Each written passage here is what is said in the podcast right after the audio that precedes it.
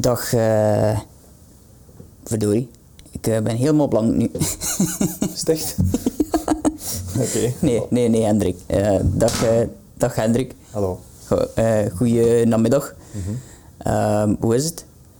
Goed, goed. Ehm, we zijn hier in Leuven. Ik ben ehm, eigenlijk sinds kort hier aangesloten bij het nationaal team om, eh, om een beetje ja, klaar te stomen naar vooral het EK. Dat is eigenlijk het doel nu. Ehm, dat zit eraan te komen, dat is pas begin september, maar ja, op mijn leeftijd mocht je niet te lang stil liggen. eh, om, eh, omdat het dan heel moeilijk is om terug eh, helemaal opnieuw op te starten en zo. Dus ja, alles goed. Ik ben blij dat ik terug kan beginnen. Een paar weken rust hebben deugd gedaan en nu ja, heb ik terug wel zin om, om iets te doen. Ja, want die, die paar weken rust zullen, zullen altijd wel nodig zijn, denk ik ook om... Want is de bedoeling dat je ook de volledige zomer effectief gaat meedoen. Nee, het is wel een aangepast programma. Ja. Eh, het is in samenspraak met de bondscoach dat we eigenlijk voor, voor heel de campagne starten even eh, samen afgesproken, ja, één, eh, één eh, ehm, fysiek en twee mentaal en drie familiair, wat dat er allemaal mogelijk is voor mij. Ehm, dus daar even de agendas naast elkaar gelegd, wat dat prioriteiten zijn deze zomer en, eh, en ons daar een beetje op, eh, op gebaseerd. Ja. Ja, wat zijn de trainingen of de, het schema op dit moment? Ja, op dit moment loop ik eigenlijk een beetje in een, in een ander soort schema dan dat de effectieve groep doet. Hè. Dus de, de groep traint hier dagelijks twee keer per dag. Ehm, behalve op zondag niet. Met dan aanvullend oefenwedstrijden zijn pas naar Polen geweest voor een paar oefenwedstrijden. Ehm, maar de iets eh, oudere spelers, de anciens laat ik maar zeggen, die, die hebben nu nog een aangepast programma waar dat er eerder een opbouw is van drie, vier keer trainen per week. Eh, en dat gaat nu stilaan opgebouwd worden, zoals vanaf, vanaf maandag eigenlijk. Doe ik er al terug iets meer, meer mee en begin ik ook de sprongen ehm, eh, erin te steken en zo verder. Dus ja. Ja, dus een tijdje dan dat je niet springt ook om, om eh, alle gewrichten waarschijnlijk eh, een Ja, beetje... alle pees, alle gewrichten even de nodige rust te geven. Hè. Het is altijd wel een, een, een pittig seizoen. Uh, en, en ja, naarmate dat je iets meer van leeftijd komt in, in sporttermen dan, heb je, heb je die recuperatie nodig. En vooral heb je de opbouw nodig naar, naar een nieuwe start. Hè. Dus ik moet eerst, een seizoen begint voor mij steeds in de, in de fitnesszaal. En daar is dat eerst eh, musculair optrainen om dan eigenlijk eh, de trainingen opnieuw aan te vatten. Ja, want waarschijnlijk nu, als je nu een aantal weken stil ligt, voelt je dat waarschijnlijk ook eh, in, in, in je musculaire opbouw. Waarschijnlijk ook moet je dat weer een stuk optrainen, of, of gaat Ah, dat wel? ja, je, je lichaam laat snel alles los. Het is moeilijk om een lichaam op te trainen, maar het is heel makkelijk om het te lossen.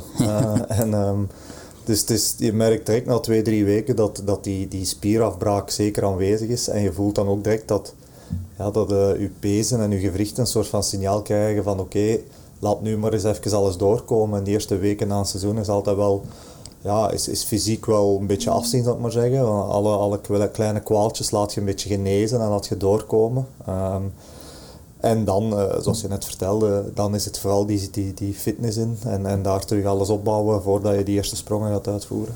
Ik kan mij wel voorstellen dat volleybal sowieso qua, eh, qua belasting op je eh, gewrichten en pezen wel een van de zwaarste sporten is. Wat, Maar ik kan, ik kan moeilijk vergelijken, Ja, hè, maar nee, het, is, ja. het is wel zo dat het inderdaad een sport is waar dat je meerdere, meerdere lichaamsdelen belast. Je zit met je rug, je zit met je knieën, je zit met je schouder.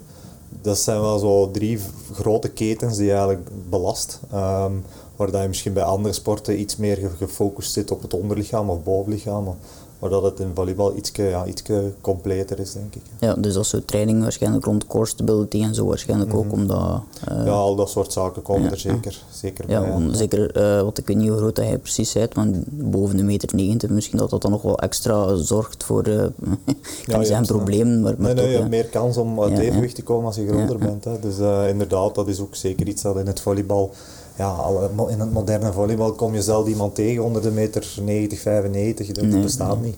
Ehm, dus ja, dat is daar zeker een groot onderdeel van. Hè. Ja, ehm, nu de groep waar je nu mee aan, aan het trainen bent, de kans is groot dat je die bijna allemaal kent natuurlijk, of ja, je kent die waarschijnlijk wel allemaal. Eh, is dat ehm, voor de jongere generatie die u waarschijnlijk ook al een heel tijdje kent, eh zit je dan nu op dit moment ook een van de, de leiders in de groep? Waarschijnlijk wel. Of, Ja, dat is iets dat ik denk van nature uit wel een klein beetje heb. Ook als ik jonger was. Ik, ik ben vrij dominant in een groep in die zin dat ik ja, een, een, een, een extraverte, expliciete speler ben, iemand die graag veel communiceert. En, en, en sommigen zien dat dan als een soort van leiderspositie. Uh, natuurlijk, door de ervaring en door de jaren heen trekt je dat automatisch een beetje naartoe. Je, ja, je weet bepaalde tips of tricks naar, naar die jonge spelers te geven, net zoals ik ze gehad heb toen ik jong was, van andere spelers. Dus um, ja, dat is wel iets dat, dat automatisch uh, naar u toe groeit. Uh, en het ligt, het ligt ook in mijn karakter.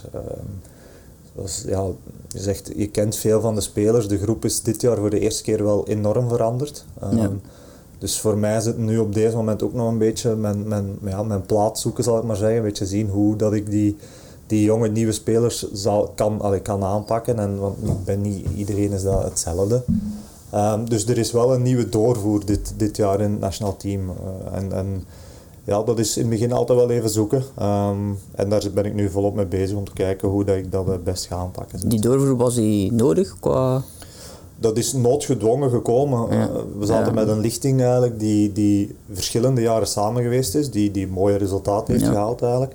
Mm-hmm. Maar ja, ook daar worden spelers ouder of komt er een, een, een, een familiaire kwestie bij. Kinderen, gezin, uh, altijd in het buitenland gespeeld hebben, liever in de zomer is, is tijd voor, voor, voor zulke zaken. Um, dus je ziet dat er wel al verschillende spelers van die lichting aan het stoppen zijn of gestopt zijn. Um, dus dan is er nood aan, aan een, een, een, frisse wind en een nieuwe lichting die komt. Er is wel even een, een, een, ja, een, een gat geweest, zal ik maar zeggen. Want die, ja, die toestroom die kan je wel wensen, maar dat wil niet zeggen dat die er is. Hè. Dus het nodige talent moet er zijn. Maar ik heb nu wel de indruk dat er nu wel een paar, paar jongens daar zijn. Dus uh, wat ik hier nu al gezien heb, is dat er wel hier en daar ja, bruikbare spelers tussen zijn op lange termijn voor, voor het nationaal team. Ja. ja, dat is ook iets waar je dan mee bezig bent om te kijken van ja, 33 is in ieder geval nog niet gigantisch uit, om het zo te zijn. Heb denk ik getekend voor drie jaar ook. Mm -hmm. um, maar het is wel iets waar je waarschijnlijk ook wel mee bezig bent. Van stel dat ik er ooit uh, mee kap bij de, de Dragons, dan, dan is het wel leuk om te zien dat daar andere jongens bij komen. Ja, absoluut. Die, uh, absoluut. Uh, het Dragons verhaal, het nationaal ploegverhaal, is een, is een ander gegeven dan in een club. Ja. dus, dus hier, ja, je speelt en je vecht voor je land. en dat is een beetje dat patriotisme dat naar boven komt. Um, maar dus welke insteek dat ik daar wil in geven. Ik hoop nu dat er inderdaad op mijn positie een, een jonge, talentvolle speler aankomt. Dat ik nog even die, die paar jaar die ik nog heb, kan meegeven aan hem en hem kan opleiden naar van het moment dat, dat, dat ik stop, dat, dat hij de fakkel kan overnemen eigenlijk. Hè. Dus dat zou een ideaal scenario zijn. En ik denk dat er nu wel zo iemand stilaan aankomt. Hmm. Dus Ferre Reigers, dat is een jonge, jonge speler die toch wel een, een positieve indruk op mij nalaat nu in die eerste dagen. En ik denk, uh, als ik die onder mijn vleugels kan nemen, dat, we, dat daar wel iets gaan van doorgroeien.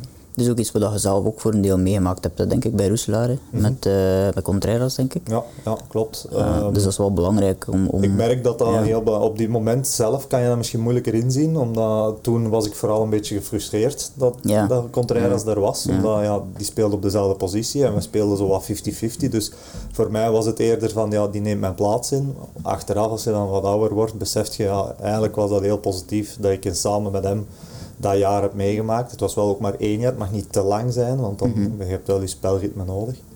Um, maar dan besef je wel dat het wel uh, po iets positiefs is. Uh, iets positiefs. Ja, het is heel vaak zo, denk ik, in, in, in het leven gewoon algemeen, dat je pas nadien beseft hoeveel dat die invloed uh, kan hebben. In het begin waren we waarschijnlijk inderdaad een beetje gefrustreerd in de zin van, ja, mm -hmm. Die, die, die, maar het is maar één jaar uiteindelijk dat je Het is maar één jaar geweest, ja, dus Contreras heeft wel veel langer in Roeselaar ja, gezeten. Ja, ik ging net zeggen. Maar ik ben eigenlijk ter vervanging van hem gekomen in een tijd en hij is dan nog eens een jaartje teruggekeerd naar Roeselaar en dat is eigenlijk het enigste jaar dat wij samen gespeeld hebben. Ja. Um, hoe zit je eigenlijk bij deze sport terechtgekomen? Voor mij was dat vrij, ja, vrij vanzelfsprekend. Mijn ouders zaten in het volleybalgegeven. Ze waren in een tijd nog in, in Averboden. Hè. Was toen nog een ploeg in, in eerste klas. Um, was mijn, was mijn vader hoofdsponsor en mijn moeder voorzitter. Dus daar waren ze ook kort betrokken. Mijn vader heeft ook zelf vroeger uh, gevolleybald uh, mm -hmm. in hoogste klas. Dus ja, voor mij was dat iets. Ik ging van kluis af aan mee naar al die wedstrijden en, ja, en daar de microben opgepikt halen. Ja, dat is heel makkelijk om uh, via de familie dan. dat is heel vaak zo uiteindelijk. Hè. Ja, dat, wel. Ja. Het was voor mij met de paplepel ingegeven eigenlijk. Dus het was een evidentie. Ja. Ik heb ook nog even het gecombineerd met voetbal. Maar ja, ik was zo verkocht aan volleybal dat het, uh, dat, het dat geworden is. Geen basketbal, want dat lijkt mij ook wel iets voor, uh, voor iemand van uw statuur. maar ja, lengte brengt automatisch die twee opties met zich mee. Hè. Uh, maar daar ben ik daar nooit echt mee in aanraking gekomen of zo. Of, of, of, ja, nee, nooit echt Dat was de andere zaalsport. Ja, die, ja. die, um, en van zodra dat je dan begint te spelen, heb je dan het gevoel van, oh, ja, ik kan hier eigenlijk wel, wel iets in vergelijking met mijn... Uh... dat, dat besef is, is echt pas laat gekomen bij mij. Ja. Um, bij mij was het eigenlijk altijd een kinderdroom om, om te spelen in Averboden. Dus zo, allee, ik, ik zag niet verder dan dat. Ja. was van oké, eerste ploeg van Averboden, wat dat dan een subtopper in België was, hm. was voor mij al wauw. Moest dat ooit lukken, zou ik daar heel tevreden mee zijn. Um, gaandeweg was het dan eigenlijk relatief snel dat ik op mijn, ja, op mijn 16 jaar, denk ik, zat ik in de eerste ploeg van Averboden. Dus dat is heel vroeg. Mm Oké, dan heb je wel een eerste signaal van, ah, misschien zit er wel iets in. Maar dan zat je ook nog altijd wel, ja, je was, ik, was, ik ben van Averboden, eigen jeugd, oké. Eh, eigen jeugd gaat al eens sneller misschien een kans krijgen om mee te draaien en eens te zien. Dus daar was voor mij nog altijd niet de, de, de bevestiging van, oké, er zit wel iets in. Die is bij mij pas gekomen. We hadden een toernooi in Italië met de, met de juniors dan van het nationaal team. Mhm. En na dat toernooi is er uh, Perugia dan, een Italiaanse uh, ploeg uit eerste klas dan, naar mij gekomen uh, voor, voor mij te tekenen als speler. En dat was eigenlijk de eerste keer dat ik dacht, oké, misschien zit hier wel meer in en misschien ja, doe ik toch wel iets, iets goed. Ja. Dus ja, daar, daar is dat besef pas gekomen. Hoe oud was je toen? 18. Ja, ja. want je bent vroeg getrokken denk ik naar daar toen hè? Ja, al 18 ja. Uh, ja. 18 jaar ben ik naar daar vertrokken. Uh, ja. Dan vertrekt je eigenlijk op je 18 jaar naar een ander land, een andere competitie, eigenlijk alles zo goed als mhm. anders. Mm -hmm. uh, dan moet wel een ervaring zijn geweest waarin dat je opnieuw, zoals dan nu waarschijnlijk zei, van ja, het, het later besefte nog meer de invloed, maar dat moet wel een soort van schok geweest zijn, denk ik. Ja, ja, dat was wel, dat was wel pittig op die momenten. Dus je bent eigenlijk een broekventje en dat, dat wordt ja, uit zijn, uit zijn uh, natuurlijke habitat getrokken, uit zijn comfortzone getrokken. En ja, dat was, uh, mijn ouders zijn toen met mij met mijn valiezen in een auto naar daar gereden en hebben mij daar afgezet. En ja, tot volgend jaar. Uh, salut, je spreekt de taal niet, ander land, andere cultuur, noem maar op. Dus dat was een heel leerrijk jaar, zowel op als naast het terrein. Want mm -hmm. ik ben er in mijn ogen als, als jongetje naar vertrokken en als man teruggekomen. Ik ben er veel natuurder geworden. Dus inderdaad, achteraf gezien is dat iets dat, dat mij uh, heel hard, uh, heel versneld heeft toen evolueren als speler en als mens. Ja, want ja, we moeten ook alles leren op dat moment. Hè. Als meeste 18 of 19 jarigen, als je dan een jaar voorbij gaat, die kunnen huishoudelijk nog niets laat staan. Mhm. Ja, ja, ik herinner me verschillende telefoontjes naar de mama van uh, hoe werkt dat wasmachine of hoe werkt een afwasmachine of, of, of, of noem maar op, of, of koken, ja, al, al die zaken komen er natuurlijk bij. En, en ja. het is van het moment dat je moet, ja, dan heb je geen andere optie. Nee. Hetzelfde met de taal daar. Uh, ze spreken alleen maar Italiaans. Dus als jij wilt meepraten, dan moet je Italiaans spreken. En een Italiaan gaat inderdaad uh, niet, niet de, moe, de, moeite doen om, uh, om het Engels uh, te doen. maar dat is natuurlijk wel een soort van beloofde land, denk ik, Italië, wat, mm -hmm. wat, wat volleybal betreft.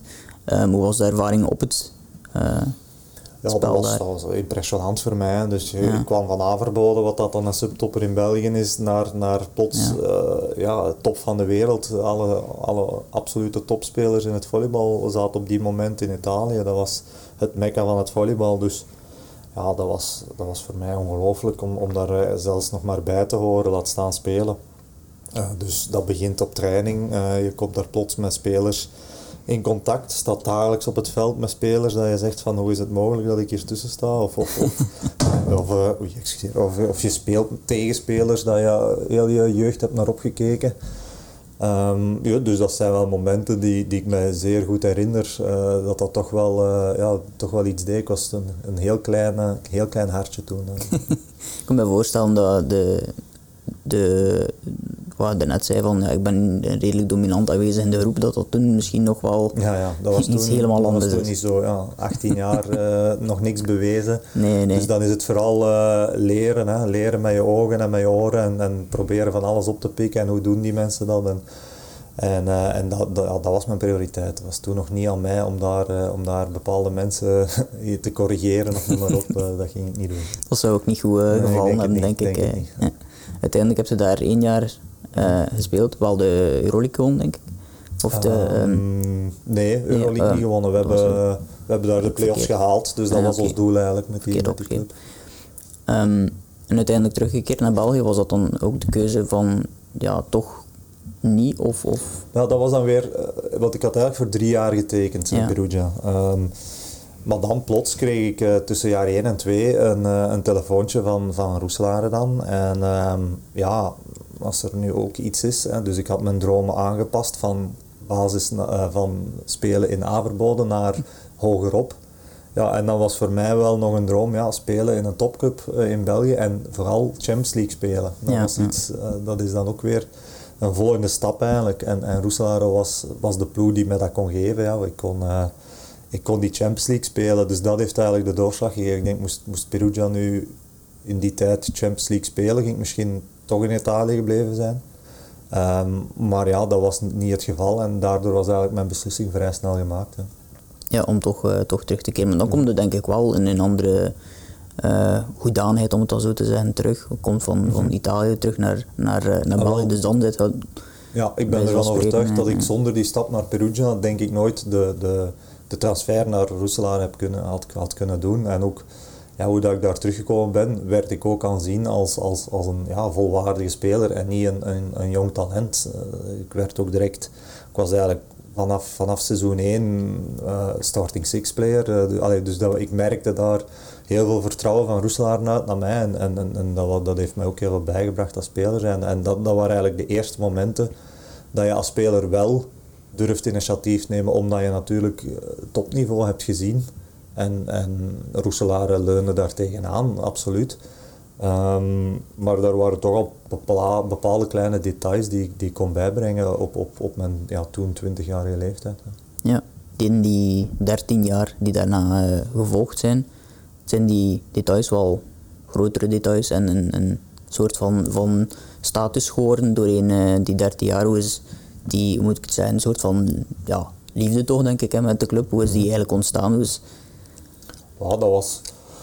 Dat is gegroeid, hè, zoiets. Eh, natuurlijk, je moet ergens van in, van in het begin graag zijn en gewaardeerd worden. En wat ik altijd gerespecteerd heb aan Roeselaar, is er is altijd een, een wederzijds respect geweest. Eh, zowel van mij naar de club toe, als andersom. En, en dan door de jaren heen, ja, je, je bereikt successen samen. Ehm, dus dan is er, is er uiteraard een bepaalde vorm van vertrouwen en, en, en, en, en clubliefde van mij naar Roeselaar toe. En ook van hun toe naar, naar mij toe. Een soort van spelersliefde, voorkeur zal ik, maar, zal ik het maar noemen. Waar dat zij dan eh, al die jaren ook het vertrouwen in mij hebben gehouden. En, en ik heb dat proberen altijd zo goed mogelijk in te vullen. Met toch wel vrij veel successen. Dus, dus ik denk dat, dat ja, die, die wisselwerking geleid heeft tot, tot de langdurige relatie die wij gehad hebben. Ja, inderdaad, doorheen die jaren ook drie verschillende coaches gehad. In eh, Dominique Bayens, ehm met de andere twee niet eventjes. Rousseau en Ja, Stefan Rousseau en, Leren, ja. inderdaad. Ehm, en die drie coaches hebben waarschijnlijk ook wel elk op hun eigen manier een invloed gehad, denk ik, op, eh, op uw carrière. Hè? Ja, klopt. Het zijn ook drie, drie mensen die, eh, die mij gemaakt hebben tot de speler die ik ben. Eh, Ja. zeker, zeker de spelers die mij hadden nog als jongere persoon, eh, de coaches die me hadden nog als, als jongere persoon, nog iets meer, omdat je, eens dat je natuurlijk die 30 gepasseerd bent, ga je als persoon niet zo heel veel meer wijzigen. Eh, maar, eh, maar die hebben zeker bijgedragen tot, tot hoe ik op een veld sta of hoe ik reageer op bepaalde situaties. Ja, want dat is waarschijnlijk ook zoiets dat heel veel mensen onderschatten. De coach heeft ook wel een invloed op de man, zeg maar. Als je daar, als een goede coach is op zijn minst, Mhm. dat hij ook wel mee invloed heeft over, over hoe dat iemand als persoon evolueert doorheen, eh, doorheen de jaren. Ja. Is dat het geval geweest ook bij een van die coaches, dat je zegt van, ik had daar echt een persoonlijke band mee? Ja, bij alle drie denk ik. Ja. Eh, ik denk dat ik bij alle drie personen tot op, tot op vandaag nog altijd relatief veel contact heb. Eh, Zowel met, met Dominique Bayens als met Emile Rousseau. En ja, uiteraard met Steven van Meningal, die ik ja. recent heb gehad. Maar die, dat, dat contact is daar altijd geweest. En ook daar was een vorm van wederzijds respect. En zij zijn alle drie coaches geweest die, die, die mij echt wel ja, hebben, hebben betrokken bij hun keuzes en bij hun, hun, hun manier van werken. En die, ja, waar dan mijn mening wel gewaardeerd werd en, en ook wel naar geluisterd werd, deels, zal ik maar zeggen. Ze hadden natuurlijk el- elk hun eigen ideeën en stijl. Maar je hebt ook coaches die daar heel afstandelijk van zijn en die dat een beetje blokkeren en die zeggen oké, ik ben hier uh, uh, op mijn niveau de toren, de baas en, uh, en de rest moet zwijgen. En dat is bij die drie nooit zo geweest. Er is altijd wel een soort van wisselwerking geweest tussen ons twee. Ja.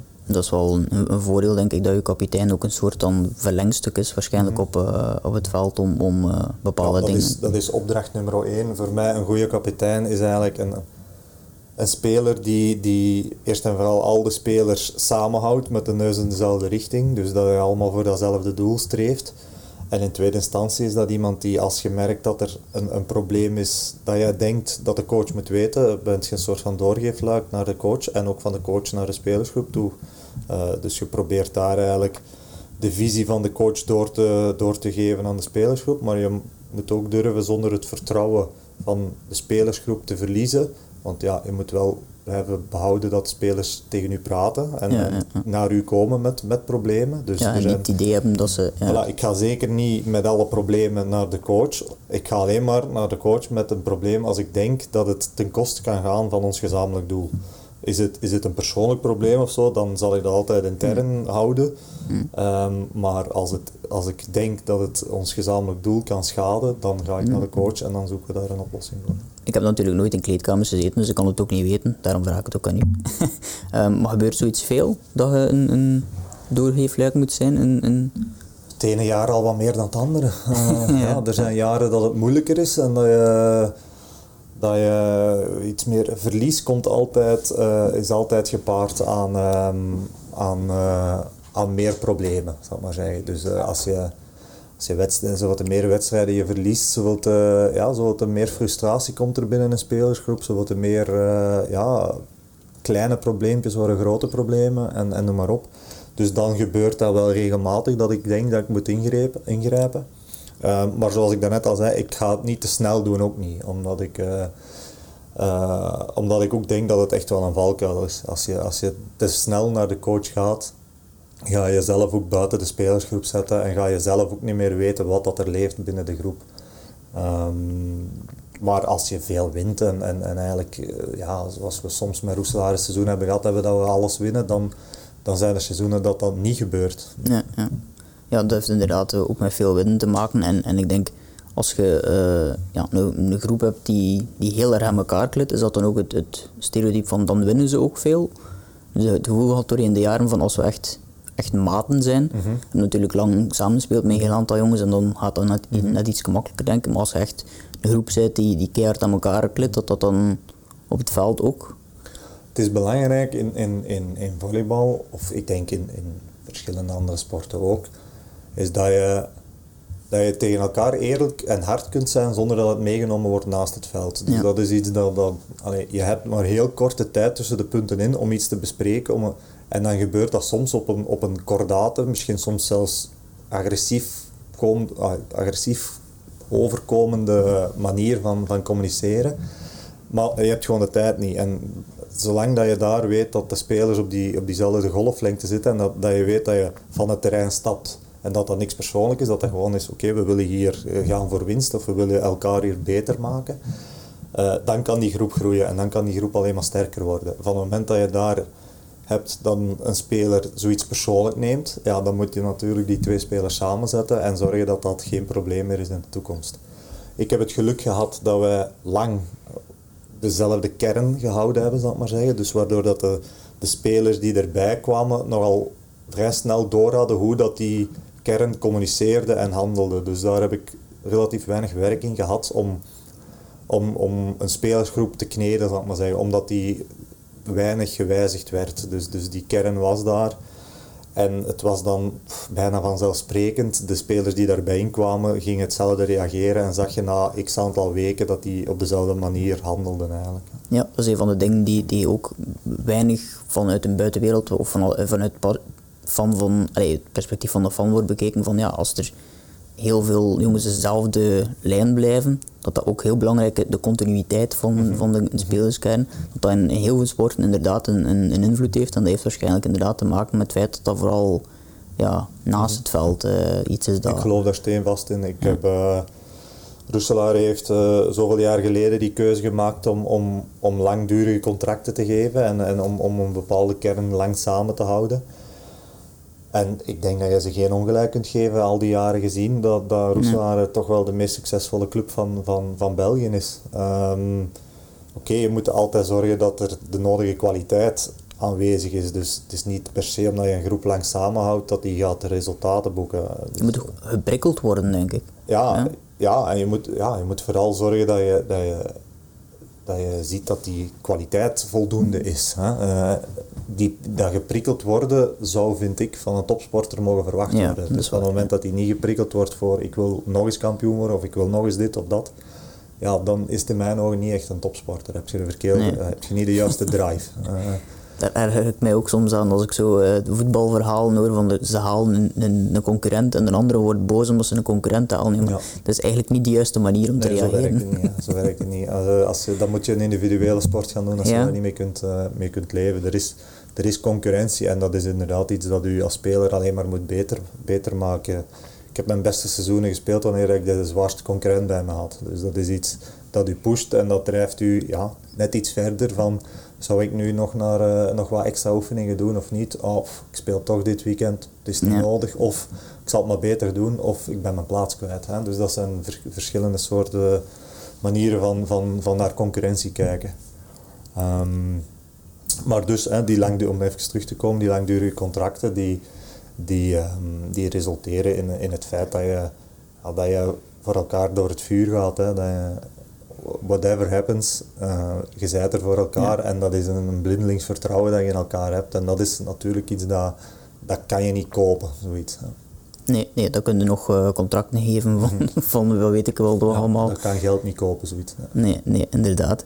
Um, als je nu, uh, wat zijn we, zeven titels, acht bekers, ja, je moet zelf wel bij denken. een beetje denken. um, en, en vier keer speler van het jaar.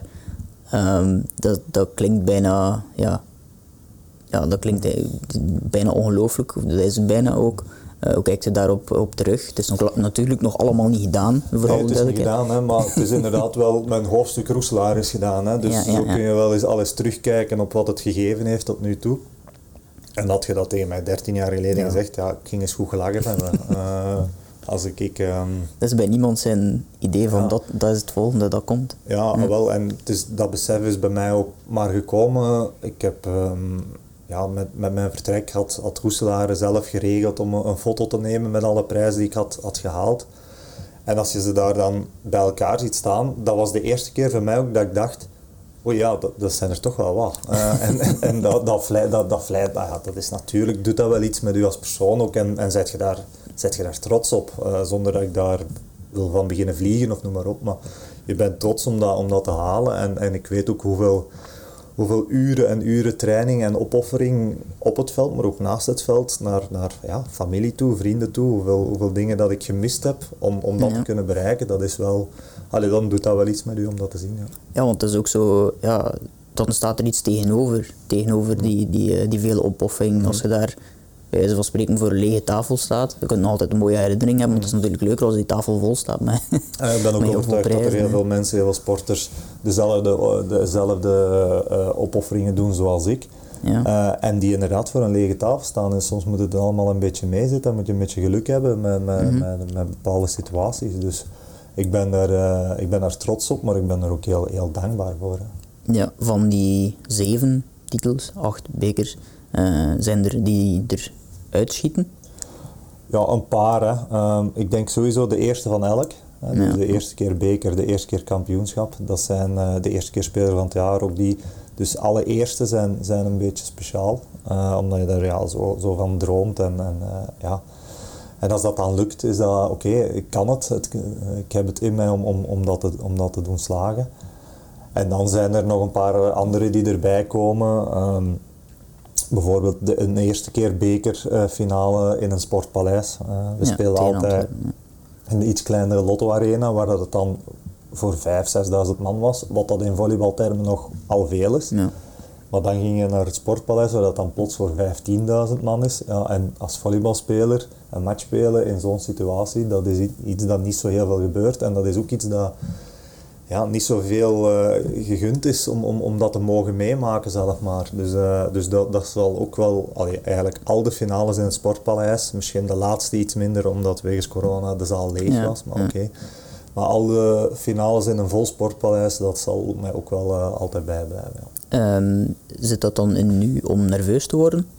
Door die de eerste omgeving? keren wel, hè. De eerste keer is dat een soort van gezonde stress die daar wel aanwezig is. Um, maar dat is dan ook wel na een, na een paar punten is dat wel weg. Want dan zit je in die wedstrijd en dan, dan ja. allee, ik heb altijd een trucje voor mezelf. Ik probeer me dan echt uh, al de tactische gegevens boven te halen en daaraan te denken wat ik moet doen, wat we afgesproken hebben op de videoanalyses en zo. En dat, dat neemt mij een beetje weg uit, uit, uit, uit alle heisa rondom u.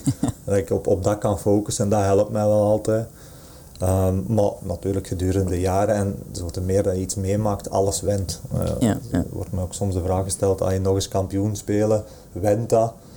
Ja, het cliché-antwoord is nee, dat went nooit, maar ik moet dat tegenspreken, dat went wel. Uh, ja, is het daardoor minder, uh, bent je er minder blij mee? Nee, maar het went wel een beetje. Ja, het is niet, uh, ja, zoals dat zegt, het is niet, nieuw, ja, het is niet, niet echt meer nieuw natuurlijk. Ik denk dat Michael Jordan was die ze ooit vroeg was u een titel dat het leukste vond en hij zei de volgende. Dus dat is ook een beetje... Ja, dat is ook een manier van naar, naar te kijken. Ja, dat is een mooi voorbeeld. Ja, ja. Um, die heeft wel meer van die waanzinnige quotes natuurlijk. Um, nu, uh, doorheen die, die vele jaren, uh, wanneer is het eigenlijk begonnen bij de, de Dragons of de nationale ploeg? ook al vroeg, hè. Uh, ja. het jaar dat ik naar Perugia ging, dus 18, ja, ja, ik was toen 18 jaar, dus dat is ja, 15 jaar geleden, zoiets.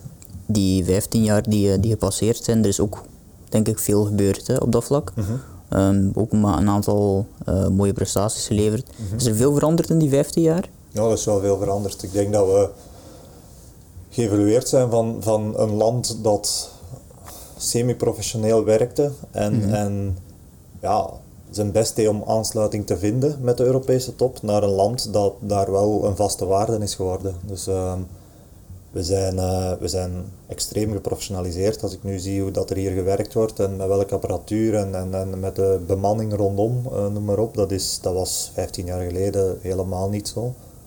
Um, en dan plus, ja, resultaatgericht uh, zijn er resultaten geboekt die in het verleden ook niet, niet geboekt werden. Het is, nu, het is nu natuurlijk aan de volgende generatie om dat verder te zetten en liefst zelfs verder uit te bouwen. Hè. Um, dus dat is de uitdaging van de volgende garde nu. Um, maar er is, wel, uh, er is wel wat veranderd gedurende die jaren heen. Ja. Ook, pas op, ook ook, negatief, ja, ook verliezen hè, zijn, zit er ook tussen. Hè. Ik kan niet altijd succesverhalen schrijven. Ik herinner mij het EK hier in eigen land twee jaar geleden. Dat ja. was voor mij de grootste teleurstelling uit mijn volleybalcarrière. Mm -hmm. Dat is iets dat gaat mij dan in de negatieve zin blijven achtervolgen. Um, we hadden daar eigenlijk alle, alle kaarten in de hand. We spelen een heel goede poelen, poelenwedstrijden waar dat we als tweede eindigen, waar, waar dat we een haalbare kaart hebben in de kwartfinales tegen, tegen Oekraïne dan wedstrijd die in mijn ogen altijd moet gewonnen worden en we verliezen ze. Uh, dus halve finale weg in eigen land. Uh, ja. Dus dat, uh, dat pikt. Ja. Maar daar was je zelf niet bij, hè? Ik zelf was gekwetst ja, uitgevallen, maar ik ga niet beweren dat daar... Het is een ploegsport, je wint nee, nee, en je nee, verliest samen. Uh, natuurlijk deed het eens zoveel meer dat ik mijn team niet kon helpen. Uh, als je ziet dat het niet goed loopt, dan ga je altijd wel denken, ik had hier wel iets kunnen doen of, of toch proberen. Um, maar gewoon ja, heel de situatie van die moment, dat, uh, dat was lastig. Ja, want ik kan me voorstellen dat als je op je waarde geklopt wordt, dat je daar mm. op een of andere manier vrede mee hebt. Maar als je dan eigenlijk, ja, moet het zijn, ja, op je waarde is misschien een groot woord denk ik in die wedstrijd, want ik denk dat jullie wel het gevoel hadden dat jullie eigenlijk moeten winnen en er zelf nog niet bij zijn. Ja, dan, uh... er zijn, het is een nationaal team, hè, dus elke positie ligt dubbel bezet. Dus allee, ik geloof niet dat als ik er ging bij geweest zijn, dat we die wedstrijd gingen. Dat wil ik zeker niet beweren. De, mm. Het heeft toen Bram van de Dries heeft toen gespeeld, dat is een goede opposite. Mm. Uh, dus uh, het, het, was eerder inderdaad heel de, heel de context van het verhaal. We hebben daar een hele zomer heel hard voor gewerkt. Ja, EK in eigen land maak je niet zo heel veel mee. En ja, alles viel in elkaar. Uh, die, die poelen verloopt perfect. We winnen elke wedstrijd. Uh, we winnen ja, wedstrijden van Duitsland 3-2, Spanje 3-0. Ja. Het, het, loopt allemaal zoals gepland. Uh, en dan die kwartfinale, op een of andere reden stopt het verhaal plots heel abrupt, want we waren ons al aan het focussen richting halve finales, zodat we Servië terug konden zien. En, uh, ja, misschien lag daar de fout al te ver uh, aan, aan, het vooruitdenken. Te gretig, te hongerig. denken van oké, Oekraïne zullen we wel eens tussendoor meenemen. en dat, is, ja, dat is gebleken dat het niet zo was. Dat is misschien ook de haai van in uw eigen land te spelen, nog dan misschien net iets te ja, je krijgt wat vleugels. Hè, die poelen, poelenwedstrijden was ook altijd uitverkocht. Eerst in, in Brussel, de expo helemaal uitverkocht. Mhm. In Antwerpen. Allee, qua organisatie en qua fans van, van, van het volleybal in België was dat, was dat magnifiek. En, dat, dat was, en daarmee deed het juist zoveel pijn, omdat je weet dat je zoveel, ja, zoveel supporters en, en, en, en, zo, en heel entourage eigenlijk teleurstelt. Ja, inderdaad. Um, ik herinner mij ook, ik heb het al een, aantal keren gezegd ook, uh, tegen Bram Nachterhalen, die een goede maat van mij is. Um, en die mij ook al tips gegeven heeft richting dit interview, dus shout-out naar hem even. Um, maar tegen Bram ook al vaak gezegd, ik vind de leukste sport om gewoon fysiek naar te gaan kijken, blijft voor mij volleybal, omdat de ambiance die daar rondhangt, en, en het klappen en het zingen, vooral het zingen is iets dat ik heel vaak uh, uh, altijd zeg, uh, de ambiance in, in zo'n zo'n sporthal vind ik nog veel meer dan in pakweg voetbal of in, in andere sporten. Mm Heb ik het gevoel dat dat meer, ja, nog op een of andere manier heviger is dan. dan. Ja, ik, ik, kan natuurlijk moeilijk vergelijken, ja, want ik zit, ik zit zelf niet in het tribune. Dus uh, ik, voel alleen maar wat dat, wat dat op het veld binnenkomt en dat is, dat is heel aangenaam in een, in een zaal ja. galmt alles nog eens wat meer. En, en, heeft, en, het, zit, het zit allemaal wat korter op het veld, waar dat in het voetbal misschien soms wat verder zit en open stadions mm. en zo verder. Daar zit dan wel weer een pak meer volk, maar um, ja, ik begrijp ergens wel, de sfeer er rond is ook heel familiair. Het is, het is, er is ook geen vijandigheid, er is, uh, allee, er is ja, een, een ja, hoe moet ik dat zeggen, een, een beleefd publiek zal ik, zal ik het maar noemen. ja.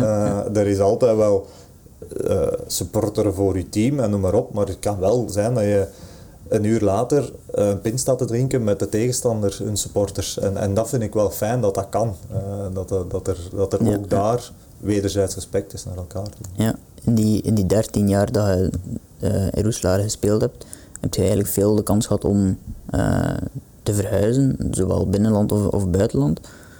Ja, dat is elk jaar aan bod gekomen. Hè. Dus elk jaar Um, komen er teams uh, aan uw mouw trekken. Het ene jaar al interessanter dan het andere. Uh, er zijn jaren geweest dat ik eigenlijk vrij snel wist van oké, het gaat Roeselare blijven.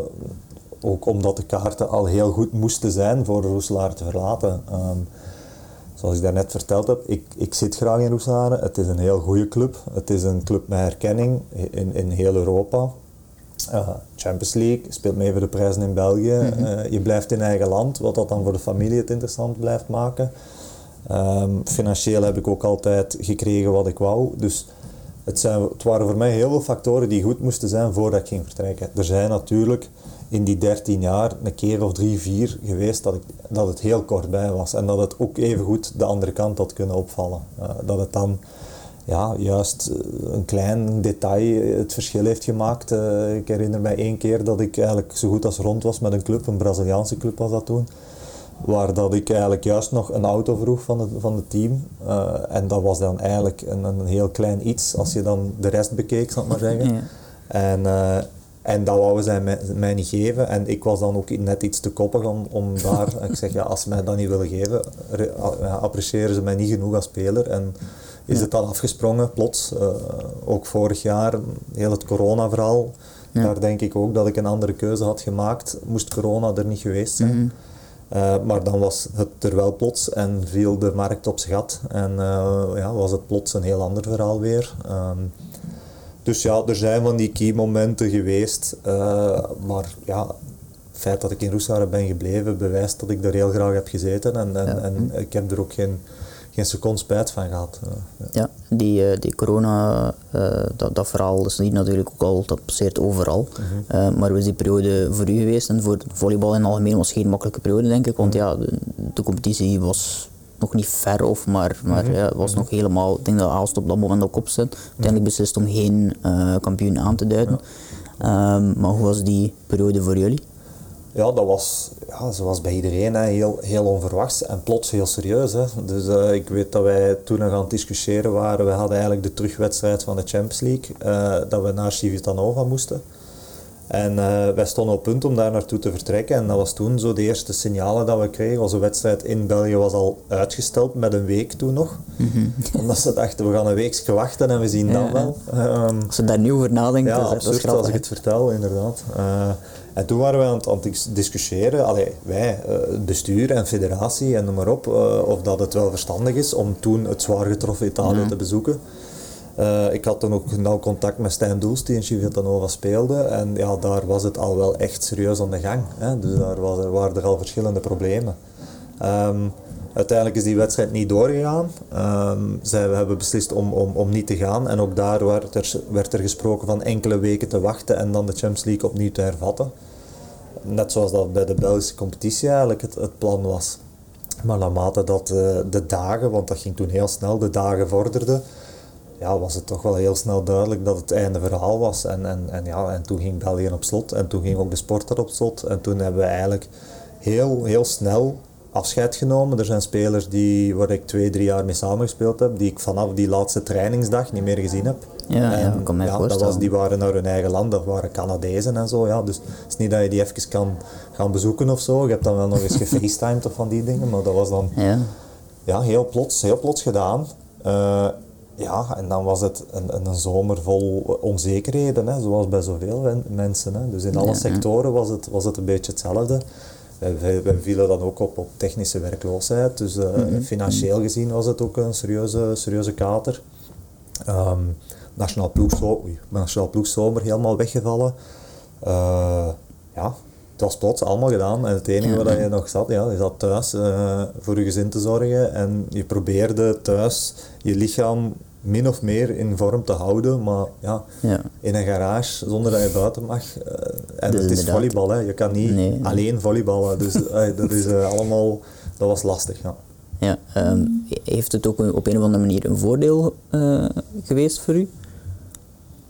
Nou, ik kan me voorstellen als iemand die op dat moment 32 is, die al heel lang topsport speelt, als er dan even een, een periode tussen is waarin dat die belasting een stuk minder is, dat dat misschien ook wel voelde aan je lichaam van... Ik denk het eigenlijk niet hoor. Of niet? Um, allee, uit, uit mijn jaren ervaring die ik heb, puur, puur individueel dan voor mij, heb ik gemerkt dat ik best zo weinig mogelijk rust. Dus ja, zo wat langer dat ik stil lig, zo wat moeilijker en zo wat pijnlijker is het om, om terug mezelf in gang te trekken, zal ik maar, zal ik maar zeggen. Dus die periode, ik heb toen ook echt twee maanden of zo nodig gehad, uh, in augustus dan, dat we eigenlijk de trainingen mochten hervatten terug. Uh, heb ik ja, zeker twee maanden nodig gehad voordat ik eigenlijk terug een beetje een niveau had waarvan ik zei, oké, dit dit, dit, dit komt terug naar mijn niveau voor corona, zal ik maar zeggen. Dus, dus uh, nee, eigenlijk niks, uh, niks dan ellende, die corona. Daar kunnen we het wel over eens zijn. Ja. Ik. Niemand, niemand gaat ons tegenspreken wat dat betreft. mensen. Misschien mensen van plexiglas of zo die wel, maar... Ja, inderdaad, maar er moeten wel twee frustrerende maanden geweest zijn als ze zo weet van dat, dat is eigenlijk, dit is nog mijn niveau niet.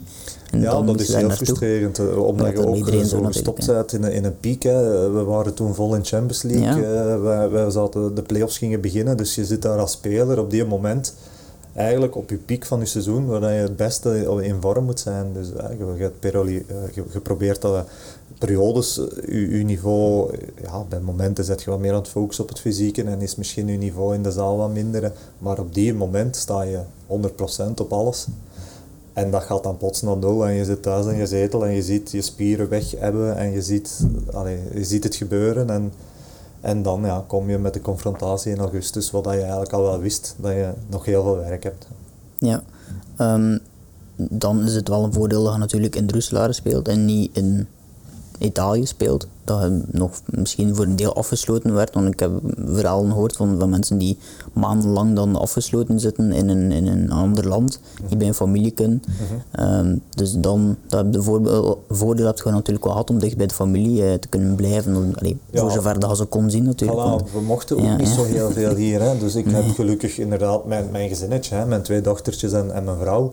Uh, dat was een serieuze houvast. Hè. Dus je zit niet alleen. Ik denk voor de mensen die alleen zaten in, in, in corona is het nog een heel ander verhaal. Als je ergens in het buitenland vast zat. Uh, zoals Stijn Doelst uh, bijvoorbeeld, die heeft, die heeft ik denk acht of negen weken helemaal alleen in een appartementje in Italië gezeten, mocht nergens naartoe, mocht zelfs niet buiten daar, mocht, ah, dat was ja. juist naar de winkel en dat was het. Hè. Dus dat zijn natuurlijk nog wel, nog wel moeilijkere momenten, denk ik. Maar voor de rest, ja, om nu te zeggen, ik kon mijn familie zien en zo, ja, we waren ook wel redelijk strikt uh, met het volgen van de regels, dus dat, dat is bij ons niet echt, niet echt gebeurd. Mijn familie en vrienden wonen ook allemaal in Averbolde, dat is ook twee uur van Roeselare, dus het is niet dat dat zomaar nee. even... Nee. Maar jullie zijn inderdaad van ja, deze regio eigenlijk. Mm -hmm. verhuizen naar Roeselaar, was dat moeilijk om te zeggen van ik ga ook effectief verhuizen? Of, want ja, ja, er zijn sommige mensen die zeggen van ik, ik, maak liever die rit dan... dan uh, nee, ten eerste sowieso moest ik van Roeselaar uit moet je in een straal van 10 kilometer rond de sport ah, ja, okay. Dus dat is ah, naar recuperatie toe. Het is niet ah, gewenst okay, dat je altijd die verplaatsingen maakt. Mm. En, en, en terecht ook, moest ik elke dag drie uur in een auto zitten. Dat is niet, dat is niet ideaal. Uh, dus dat was voor mij zelfsprekend. Natuurlijk, op die moment dat ik die verhuis maakte, was ik 20 jaar en ja, had ik nog geen vrouw en had ik nog geen kinderen. En allee, dat was allemaal nog een heel andere situatie dan, dan nu.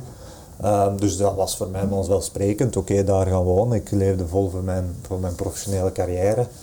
Um, en dan is eigenlijk mijn vrouw bij mij komen wonen en dan in Roeselaar zijn de kindjes erbij gekomen. Dus ze hebben nooit anders geweten of zo. Ik denk dat het nu, nu eerder even gaat aanpassen zijn met dat ik eigenlijk terug verhuis naar de roots van zowel mijn vrouw als mezelf. Dat zal denk ik die eerste weken wat meer aanpassen zijn dan dat het toen is geweest. Hè. Ja, um, nu over die verhuis, zowel uh, letterlijk als uh, figuurlijk in de zin van van club. Um, uiteindelijk gekozen voor een nieuwe club. Um, hoe moeilijk was die beslissing uiteindelijk om te nemen? Of? Ja, dat was wel een, een hele moeilijke. Uh, eerst en vooral omdat, je, ja, omdat het moment toch daar is. Hè. Het is heel vaak bijna daar geweest dat je Roeselare mm -hmm. verlaat. Um, maar nu was het dan effectief daar. En dat doet een beetje raar dat je, dat je eigenlijk ja, gaat spelen voor een andere club. Je bent er zo mee vergroeid. Uh, dus zelfs voor mij, zelfs tot op de dag van vandaag, het, nieuws is nu toch al een maand of twee oud, is dat nog voor mij ja, moeilijk te vatten. Dus de trainingen in Roeselaar zijn ook terug begonnen. Ja, ik weet daar niks van, ik ben er niet bij. dat is allemaal een beetje raar uh, voor mij ook. Um, en, uh, en ja, het was uh, moeilijk in de zin van, uh, ja, je gaat sportief van de absolute topclub in België, zijn Roeselaren, naar naar een ploeg met heel veel ambitie en met heel veel mogelijkheden naar de toekomst toe, want ik geloof echt in het project Leuven. Um, maar ze zijn daar nog niet. Hè. Dus mm. Eh, daarom zal ik ook wel deels aangetrokken zijn, is om, om, om hun te helpen om nog die stappen te zetten. En, en daar wil ik, ook, wil ik me ook voor engageren daarvoor. Um, maar dat is sportief gezien, zullen verschillende mensen dat wel een stapje terugvinden. En dat begrijp ik ook dat je dat, je, dat, je dat denkt. Maar ik ga niet uh, uh, als, als minder topsporter daar leven. Ik ga ook naar daar ja, met de insteek, oké, okay, um, die afspraken zijn gemaakt, dat verwachten ze van mij. Ik ga alles, dat zit in, in mij om, om daar dan ook alles aan te doen, om dat zo goed mogelijk te doen. Dus ik zeg geen vaarwel tegen topsport, dus dat is, dat is niet het geval. Um, maar ja, verschillende factoren dat die verhuis wel een beetje moeilijk maakt. Uh, zowel uh, op, op, op privévlak. Hè. Ik heb er ook heel goede vrienden gemaakt uh, met, met, met verschillende spelers waar dat ik ja, heel close mee ben. Dat, dat ja, zelfs beter ben van hun kinderen en, en zo verder. Dus dat gaat heel ver. Um, die je dan eigenlijk achterlaat. Hè. die kindjes gaan naar school, mijn kinderen praten West-Vlaams. West dus dat, is, dat is effectief zo. Dus dat zijn allemaal van die dingen die ja, nu wel gaan veranderen. En dat zal even nodig hebben. Ja, inderdaad. Um, in, in hoeverre was dat uh, een, keuze ook naar de toekomst na uw carrière? Heeft dat er ook een invloed mee gehad? Want als ik me niet vergis, um, was uh, Bram de Smet, denk ik, was zijn naam. Of uh, Bartesmet. Uh, of Bartesmet, ja. Um, heeft daarin ook een invloed ge gehad, blijkbaar, omdat hij ook van plan is om je een soort van mee te nemen in het verhaal na je carrière. Mm -hmm. ja, dat was zeker iets dat meespeelde. Hè. Dus, dus van het moment dat, dat het nieuws bekend werd binnenin, binnenin de volleybalwereld, zal ik maar zeggen, dat de kans wel eens bestond dat ik Roeslaar wou verlaten. want dus dat, ik heb dat kennelijk gemaakt aan mijn manager, omdat ik ja, omdat we bij Roeselaar uh, was er wel, wouden ze wel door, maar we moesten nog even wachten op, uh, op, ehm, eh, op contracten die moesten verlengd worden van hoofdsponsors. En dat, dat nam wel wat tijd met zich mee. En ja, ik, ik, heb ook, ik moet ook mijn zekerheden hebben. Dus uh, van het moment dat dat nieuws eigenlijk uitkwam, was er eigenlijk een, een wervelstorm aan, aan telefoons en aan, uh, aan teams die, die belden. En dat, dat is leuk, hè, maar dat is ook moeilijk ergens. En dat was toch wel een punt voor, voor Leuven dat, dat, dat zeker meegespeeld heb. Is dat zij daar wel een bepaalde engagement in staken naar, eh, naar na het volleybalcarrière. Hè. Dus ik krijg daar de kans om mijn trainersdiploma verder, uh, verder af te werken. Uh, samen met Chris Eijkmans dan, wie dat onze coach is in Leuven, die ook nauw betrokken is bij de federatie en zo. Dus die, daar gaan we een beetje onze weg in zoeken. Um, en met misschien aansluitend een functie binnen de club uh, op het sportieve dan. Hè. Dat zullen we dan allemaal nog wel zien. Dat is nog drie jaar weg. Dus daar, ja. gaan we ook nog niet, allee, daar zijn ook geen beloftes rond of zo. Maar wie ja. weet, hè, die, die poort staat open en we zien wel wat dat, dat, uh, wat dat, dat met zich meebrengt. En dan inderdaad het, het zakelijke meer is uh, Bart de Smet is ja, iemand waar ik zoveel respect voor heb. Dat is een man die is manager van het jaar geweest drie, vier jaar geleden. Dat is iemand in de zakenwereld die, ja, als er, als er iemand is waar je veel van kan leren op dat gebied, is het hij wel. Um, en hij heeft ook een real estate bedrijfje, waar dat, uh, allee, bedrijfje, een real estate bedrijf, waar dat ik uh, waar dat ik altijd geïnteresseerd in ben geweest in zoiets. Dus ik ga nu mijn cursus immobiliën verder afwerken ook. En, en dan nadien uh, gaat hij mij misschien mee betrekken in bepaalde projectjes of, uh, of, of eens meenemen en wegwijzen in die wereld. ja.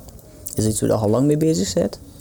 Een paar jaar, ja. niks concreet. Hè. Dus ik, ben, ik moet nog aan alles beginnen eigenlijk. Maar dat is wel al een paar jaar dat dat mij interesseert. En dat dat mijn schoonvader uh, doet het wel, zit een beetje in die wereld. En, en uh, ja, als ik die zo bezig zie en, uh, en zo wat mee volg, is dat wel iets dat mij, dat mij ja, pleziert. mensen mee helpen zoeken naar hun droomhuis of noem maar op. zo wat projectjes, dat lijkt mij wel een leuke, leuke stijl.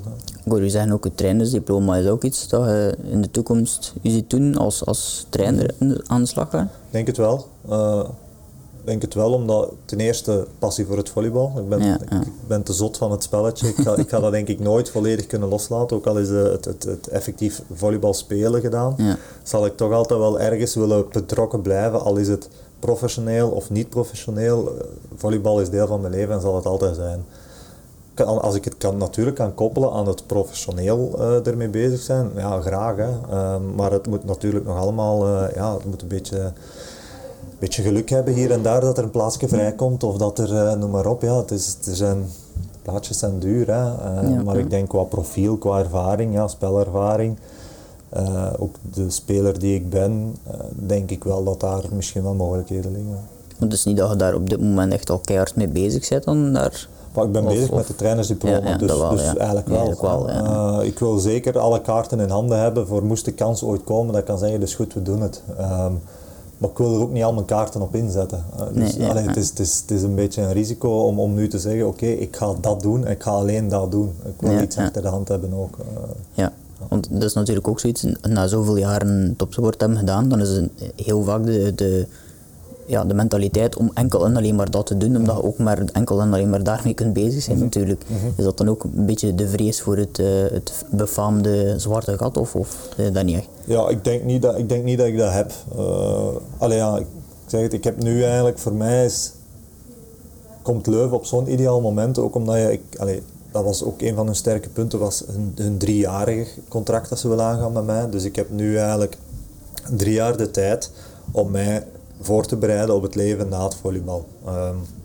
zonder dat dat invloed heeft op mijn, op mijn uh, engagement op het, op het veld. Um, maar dat is voor mij heel concreet en dat is voor mij heel duidelijk. Oké, okay, na deze drie jaar ben ik niet van plan om nog ergens te verlengen of ah, ik ga niet meer naar het buitenland gaan. Ik ga meer, mm. Voor mij is nu oké, okay, drie jaar en dan uh, oké, okay, zeg nooit nooit, als ik me fysiek nog heel goed voel, dan kan dat zijn dat er nog wel iets verder, maar ja, je, je hebt nu in ieder geval een, een, een duidelijk beeld, waar dat het vroeger in Roeselare of als ik nog jonger was, eerder zoiets was van, we gaan het wel zien als het zover is. Ja, uh, inderdaad. En nu is het nog altijd niet zo ver, maar... Nu is het niet zo ver, maar er is wel de, een ja, duidelijk richtpunt dat ik ja, voor mezelf heb uitgemaakt, oké, okay, na deze drie jaar wil ik klaar zijn voor een leven na het volleybal. Als dat nog niet aan de orde is, zo wat te beter, dan blijf ik volleyballen, maar het moet, het moet wel in orde zijn.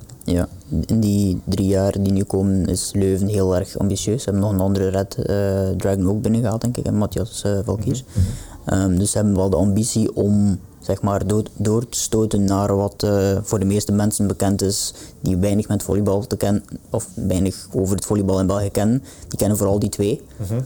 Um, is het de ambitie van Leuven om zeg maar, door te stoten tot die drie, om het maar zo te zeggen? Ja, het is zeker de ambitie van Leuven. En natuurlijk, maar zonder stappen over te slagen. Het is een, ja, het is een ploeg die een heel duidelijke visie heeft, die stap per stap wilt groeien. Ze bewijzen dat ook in de vorige jaren, van, waar dat ze van uh, een zesde plaats in de competitie naar een vijfde, nu naar een vierde. Het is een ploeg die geen stappen wilt overslagen. Ik herinner mij in het verleden zijn er teams geweest, zoals een Antwerpen bijvoorbeeld, die uit Liga B komen, het jaar erop play-offs willen halen en het jaar erop B willen doen voor het kampioenschap en dat ook effectief gedaan hebben. Ik herinner mij, Antwerpen heeft 1, 2 jaar meegedaan voor de knikkers. Heeft bekerfinales gespeeld, zelfs gewonnen. Uh, maar ja, twee jaar later was het gedaan met Antwerpen. Dus eh, het moet allemaal ook financieel kloppen, het, moet, het moet kloppen. En dat is binnen Leuven, um, zijn ze daar heel verstandig mee aan het omgaan, denk ik. En zijn ze heel gestaag aan het groeien. En ik denk de transfers die ze nu hebben gedaan binnen het team, sluit aan, ja, bevestigt die motivatie die ze hebben om hoger op te geraken. Um, maar ik ga je nu niet beweren, vanaf volgend jaar gaan wij het, de top 2 moeilijk maken en zijn wij de derde ploeg. Dat wil ik niet gezegd hebben. Nee, nee. Maar die, die, die motivatie is er en, en de doelstelling is om daar binnen x aantal jaar dichter en dichter naartoe te groeien. Nou, het zou wel mooi zijn om natuurlijk te kunnen zeggen van ik heb 13 jaar bij een van de topploegen gespeeld, maar ik ben dan verhuisd naar een ander team en ik kan het daar ook. Mm -hmm. ja, dat is een van de doelen. Hè. Dat is dan een, een persoonlijk doel voor mij. Uh, dat is ook een beetje mijn ego, zal ik maar zeggen. ja. Dus je wilt laten zien uh, aan de Belgische competitie of aan Roeselaren. Uh, pas op, niet, wij zijn in alle openheid en in alle vrede uit elkaar gaan. Maar ja. natuurlijk wil ik, ja, wil ik het de grote twee nog altijd zo moeilijk mogelijk maken. Ik heb altijd tegen Mazijk gespeeld in de zin als rechtstreekse concurrent. En. Maar dat gaat nu voor mij niet veranderen. niet omdat ik bij een andere ploeg speel, dat ik met minder grinta of gretigheid naar Mazijk ga of, of naar Roeselaar ga. Dat gaat juist hetzelfde zijn. Die, die drive om, om, om het hun moeilijk te maken. Ik heb zo vaak aan de andere kant van het net gestaan, Roeselaar zijnde, waar ik veel te veel heb ervaard dat teams naar Roeselaar komen of tegen Roeselaar spelen met het idee, dit is onmogelijk, dit kan niet. Mm. Maar ja, ik was zelf zo lang daar speler en kapitein. Ik weet dat dat wel kan. Wij hebben ook mindere dagen of, of er zijn ook momenten ja, dat het allemaal van iets minder zelfsprekend is om altijd van die clubs te winnen en zo verder. En als je dan een team hebt dat aan de overkant ook zo denkt, van ze moeten eerst voorbij ons voordat ze hier die drie punten meekrijgen of zo. Dat is een mindset, dat is een heel andere mindset dan dat ik nu soms het gevoel had dat sommige clubs naar Roeslaar of Mazijk gaan. Klopt het eigenlijk dat ook, um, of dat er interesse was, ik zal het zo zijn, van Mazijk? Er, is, er zijn gesprekken geweest met Mazijk ook, ja, Ik vond het wel opvallend natuurlijk. Het is natuurlijk de grote mhm, mhm. concurrent. Is dat dan ook een soort, ja, een, een moeilijkere overstap ja, ja, dan Leuven? Ik, ik, zeg het, die gesprekken zijn geweest, maar ja, na enkele gesprekken heb ik zelf ook tegen mijn vrouw gezegd van ja, dit, dit is te moeilijk. Voor mezelf persoonlijk, of ook naar Roeselaar toe, ja, dat had ik, dat had denk ik niet gegaan. Uh, natuurlijk, alles is te kopen. Uh, ja. maar. Um, Nee, dat ligt gevoelig. Dat ligt ja, inderdaad. En dat is helemaal, heeft niks te maken met dat ik niet graag in Mazijk zou zijn. Nee, maar je 13 jaar zo gestrijd tegen mm en, en voor Roeselaren. Ja, je hebt, er, ja, je hebt zoiets opgebouwd met Roeselaren dat dat, dan, dat dat verhaaltje toch moeilijk is. En daarmee dat het verhaaltje van Leuven ook nog veel meer klopt, omdat het een team in opbouw is en dat dat een team is die oh, een heel goede samenwerking ook heeft met, met Roeselaren en de mensen binnen het bestuur kennen elkaar allemaal goed en noem maar op. Ja, dat, is, ja, dat, dat voelde gewoon juist, zal ik maar zeggen. Ja. Is dat iets waar je lang op hebt moeten over nadenken eigenlijk? Is dat een proces van maanden, van weken? Ik was er heel lang over aan het nadenken en dan heeft Leuven mij een deadline opgezegd. Ja. Dus ze zeiden oké, eh, we moeten het nu beginnen weten, ook omdat zij natuurlijk met nog andere transfers bezig waren en zo verder. Dus de, zij wouden ook de, de bestaande contracten die daar waren niet te lang aan het, draadje, aan het lijntje mm. houden, wil ik zeggen. En dus ja, op een gegeven moment uh, heeft het bestuur en de coach van Leuven gezegd, oké, nu heb je nog een week en dan moeten we het weten. Dus dan heb ik noodgedwongen beslist, maar mm. achteraf gezien ook weer goed dat ze dat gedaan hebben, of ik denk dat ik nog altijd aan het twijfelen was. ik denk dat ik anders nog altijd bezig was, zou ik het doen of niet. Ja, ja, dus, ja. Uh, dat was ook nodig om mij daar een klein beetje in te, in te pushen. Ja, ik denk het interessante aan zo'n proces is ook, um, bij wie gaat het dan eigenlijk te raden? Is dat dan bij jezelf natuurlijk, mm -hmm. maar is een, uw vrouw misschien? Uw, in eerste instantie de mensen die heel ja, kort bij ja. u staan. Hè. Dus dat is in eerste instantie mijn vrouw dat is, uh, en dat zijn mijn beste kameraden. Uh, dat is uh, ook de ouders. Maar de ouders zijn nogal wat meer, ja, hoe moet ik het zeggen, wat emotioneler, emotioneler ja, of zo. Zij, zijn ook, zij waren ook heel nauw betrokken bij Roeselaar, ze kwamen er graag. Pas op, ze gaan altijd het beste, ze hebben het beste voor met mij, maar ja, iets, iets minder rationeel zal ik misschien maar zeggen. um, dus Oma is heel hevig ook als supporter, heb ik mij laten Vooral mijn mama is inderdaad, pas op, schat van een mens. Hè. Ja, ja, ik zie ze doodgraag, maar het is inderdaad iemand die haar emoties heel hard laat spelen en dat is Ja, mooi dat is en dat is leuk. Dat is mooi. Om, om zo'n beslissing te nemen is het goed om Ja. een heel rationele Ja, mening te horen. En daar ben, ja, daar ben ik goed bij een paar goede kameraden, mijn vrouw, eh noodzakelijk. Ik eh, sta altijd zo één vraag die altijd terugkomt op het, eh, het laatste van, mijn, van de podcast. We zitten ondertussen net over het uur. Ehm, en ik weet niet wanneer dat hij nog een training hebt vandaag, dus ik ook Vier niet. Dus. Ik weet niet. Eh, Oké, zal wel nog. Ehm, maar ja, het is altijd een vraag die altijd hetzelfde terugkeert en die eh, denk ik ook al ondertussen weet ik al een beetje het antwoord natuurlijk. Ehm, maar eh, wat zijn de ambities of wat mag ik u eigenlijk toewensen eh, de komende maanden en jaren? Of weken zelfs? Eerst en vooral een, een, ja, een gezond derde kindje op Ja. de wereld. Dus eh, we, verwachten ons derde dochtertje. Dus eh, dat in eerste instantie. Dus dat het allemaal goed verloopt.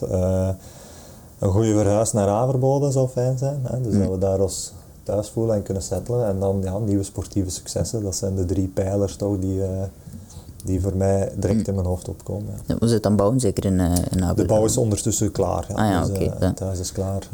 ja, Dus, nu bezig we gaan met, morgen verhuizen trouwens. Oké, morgen verhuizen. Morgen.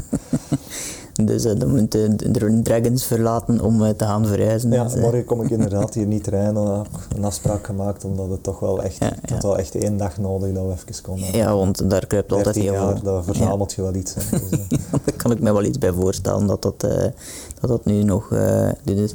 Nu, eh, de, de komende periode is nog de Golden League, denk ik. Of- Ja. en Ja, dan, eh, dan het EK. Klopt, zij gaan dus ja. nu, eh, volgende week vertrekken zij voor een tiendaagse naar Estland en Letland. Ehm, maar ja, er was eigenlijk afgesproken dat ik dat niet ging meedoen. Nu is de bondscoach iets meer aan het vragen of dat ik toch mee wil. Maar dan, ja, dan moet ik allemaal nog eens bekijken of dat, dat haalbaar is.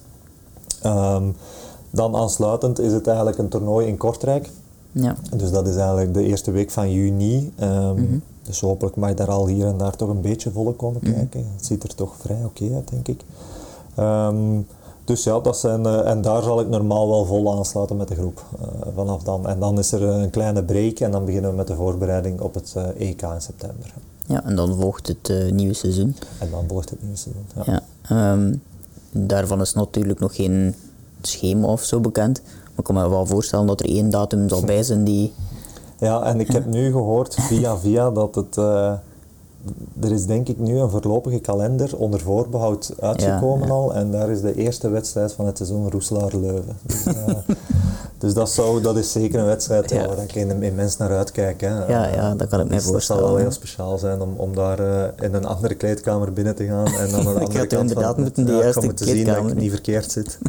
Eh, ja, dat gaat heel speciaal zijn. Ja. Ja, ja. Maar dat is, eh, ik kan me wel voorstellen dat allee, de, de, de, ontvangst gaat ook wel van de supporters, als die er hopelijk mogen zijn, laten we ervan uitgaan in september, zal die ontvangst wel heel positief zijn, denk ik. Ik denk niet dat je daar zorgen over Ik maakt. denk dat iedereen die mij kent of die het een beetje gevolgd heeft, wel, wel de keuze begrijpt. En, en, Ja. en dat ik wel in alle vrede met Roeselaar uit elkaar ben gegaan. En dat, dat, ja, dat het gewoon een heel mooi einde is geweest. We zijn geëindigd met de dubbel. Eh, allee, dus een mooiere manier van vertrekken kan, Mhm. Nee, kan ik niet nee, wensen. Dus, dus ik denk dat daar inderdaad geen enkel probleem eh, gaat zijn. Maar je weet dan ook dat dat die laatste wedstrijd is, denk ik. De dubbel en de bekerfinale in al leeg. Mhm. Eh, leeg de Sportpaleis. Mhm. Ik weet dat dat de laatste wedstrijd is. ik heb gelezen dat dat wel heel emotioneel ook was voor die. Het was vooral de wedstrijd in Mazeik, hè, dus dat was de laatste. Hè, dus voor de titel. Ja, juist, ja. Voor de titel was de laatste wedstrijd in Mazeik. Um, ja, dat is, heel, dat is toch wel... Je houdt die emoties wel in bedwang. Hè? Dus van het moment dat je eigenlijk de keuze hebt gemaakt om naar een ander team te gaan, houd je dat wat tegen. En, maar die laatste week zit je wel bezig. Dit is misschien mijn laatste training ooit in Schiervelde. En dit is misschien de laatste match, de laatste set, laatste punt. Um, en zo houden alles op.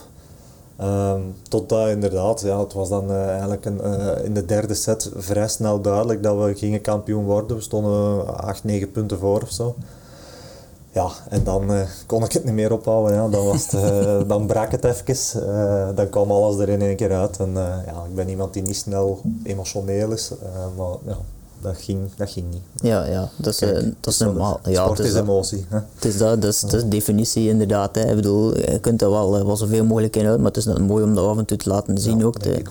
Ja, dat is, dat is de reden waarom dat heel veel mensen, inclusief mezelf, net graag naar sport kijken, omdat ze zien dat het ook maar mensen zijn. Ja, hè. Het zijn in buitenmenselijke prestaties soms, maar op het einde van het verhaal zijn, eh, zijn jullie nog altijd, maar mensen. Absoluut. Um, en daarom dat ik ook uh, graag met jullie babbel, omdat dat allemaal een ja, door al die jaren en zoveel succes uh, nog altijd.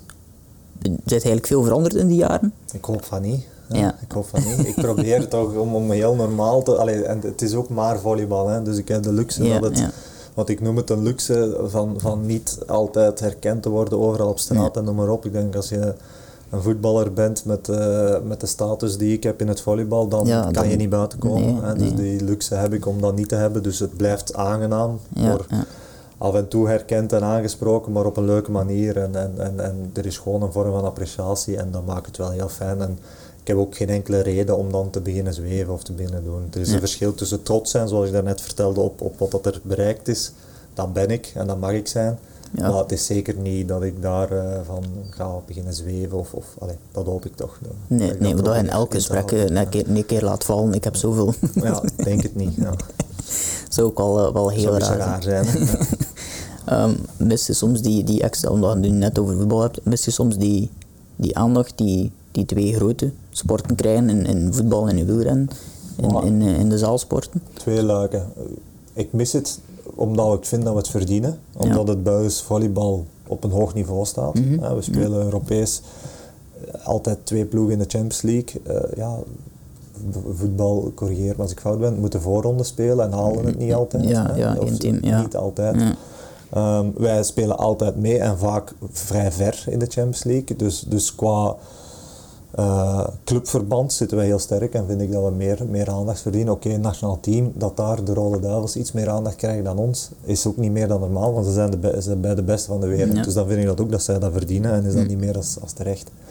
Eh, dus wat, wat dat betreft, hè, dus twee kanten daarvan. En privé, in het, in het gewone leven, vind ik het, vind ik het mooi zoals het is. Eh, Ja, laat me maar rustig eh, op restaurant kunnen gaan zonder dat er daar honderd man rond u staan. Laat mij dat maar gewoon, Ja, gewoon zijn. Ja. Ja, zo heb ik ook verhalen gehoord van iemand die hier op de podcast is geweest, ook die met de UFC-vechter Khabib uh, Nurmagomedov, dat is nu wel nog een heel andere sport, en dat hij gewoon letterlijk een achter- en uitgang telkens moest nemen, Ja. omdat hij aan de, de voorkant van de, de sport al niet buiten kon. Ja. Dus dan, dat is ook niet meer, eh, niet meer kijk, dat is plezant. fijn. Ik heb er een paar keer zelf een klein beetje ervaren als je dan in landen zoals Polen komt of zo, waar dat het echt Ja, natuurlijk gek is. ook een, ja. En daar heb je er dan even, als je daar dan buiten komt, zelf al ben je maar een Belg, ze weten wie dat je bent en daar is het wel. En dan is dat wel eens even leuk, maar ik zou het ook snel beu zijn, denk ik. Ja. Ja, ja, dat is leuk als je dat zo even in, in, als je er eens van kunt proeven, Ja. is dat leuk en dan mag het stoppen. Ja, inderdaad. Ehm, Oké, ehm, ik ga je sowieso al bedanken voor, eh, voor op de podcast te komen en voor tijd vrij te maken. Want het is een drukke periode eh, met de verhuis, verhuis de Red Dragons. Dus alles is daar, eh, daarvoor merci. Ik ga ook eh, nog een keer Bram bedanken, omdat ik eh, dank- dankzij Bram ook nog wel een paar, paar dingen te weten gekomen ben. Ehm, en het is altijd leuk om, om iemand te hebben die, die ook gasten aangeeft en dat ook effectief lukt. Dus uh, wel bedankt. Graag gedaan. En nog veel succes de komende maanden en jaren. En dan hopen we. Merci. Ja, salutjes. Hè.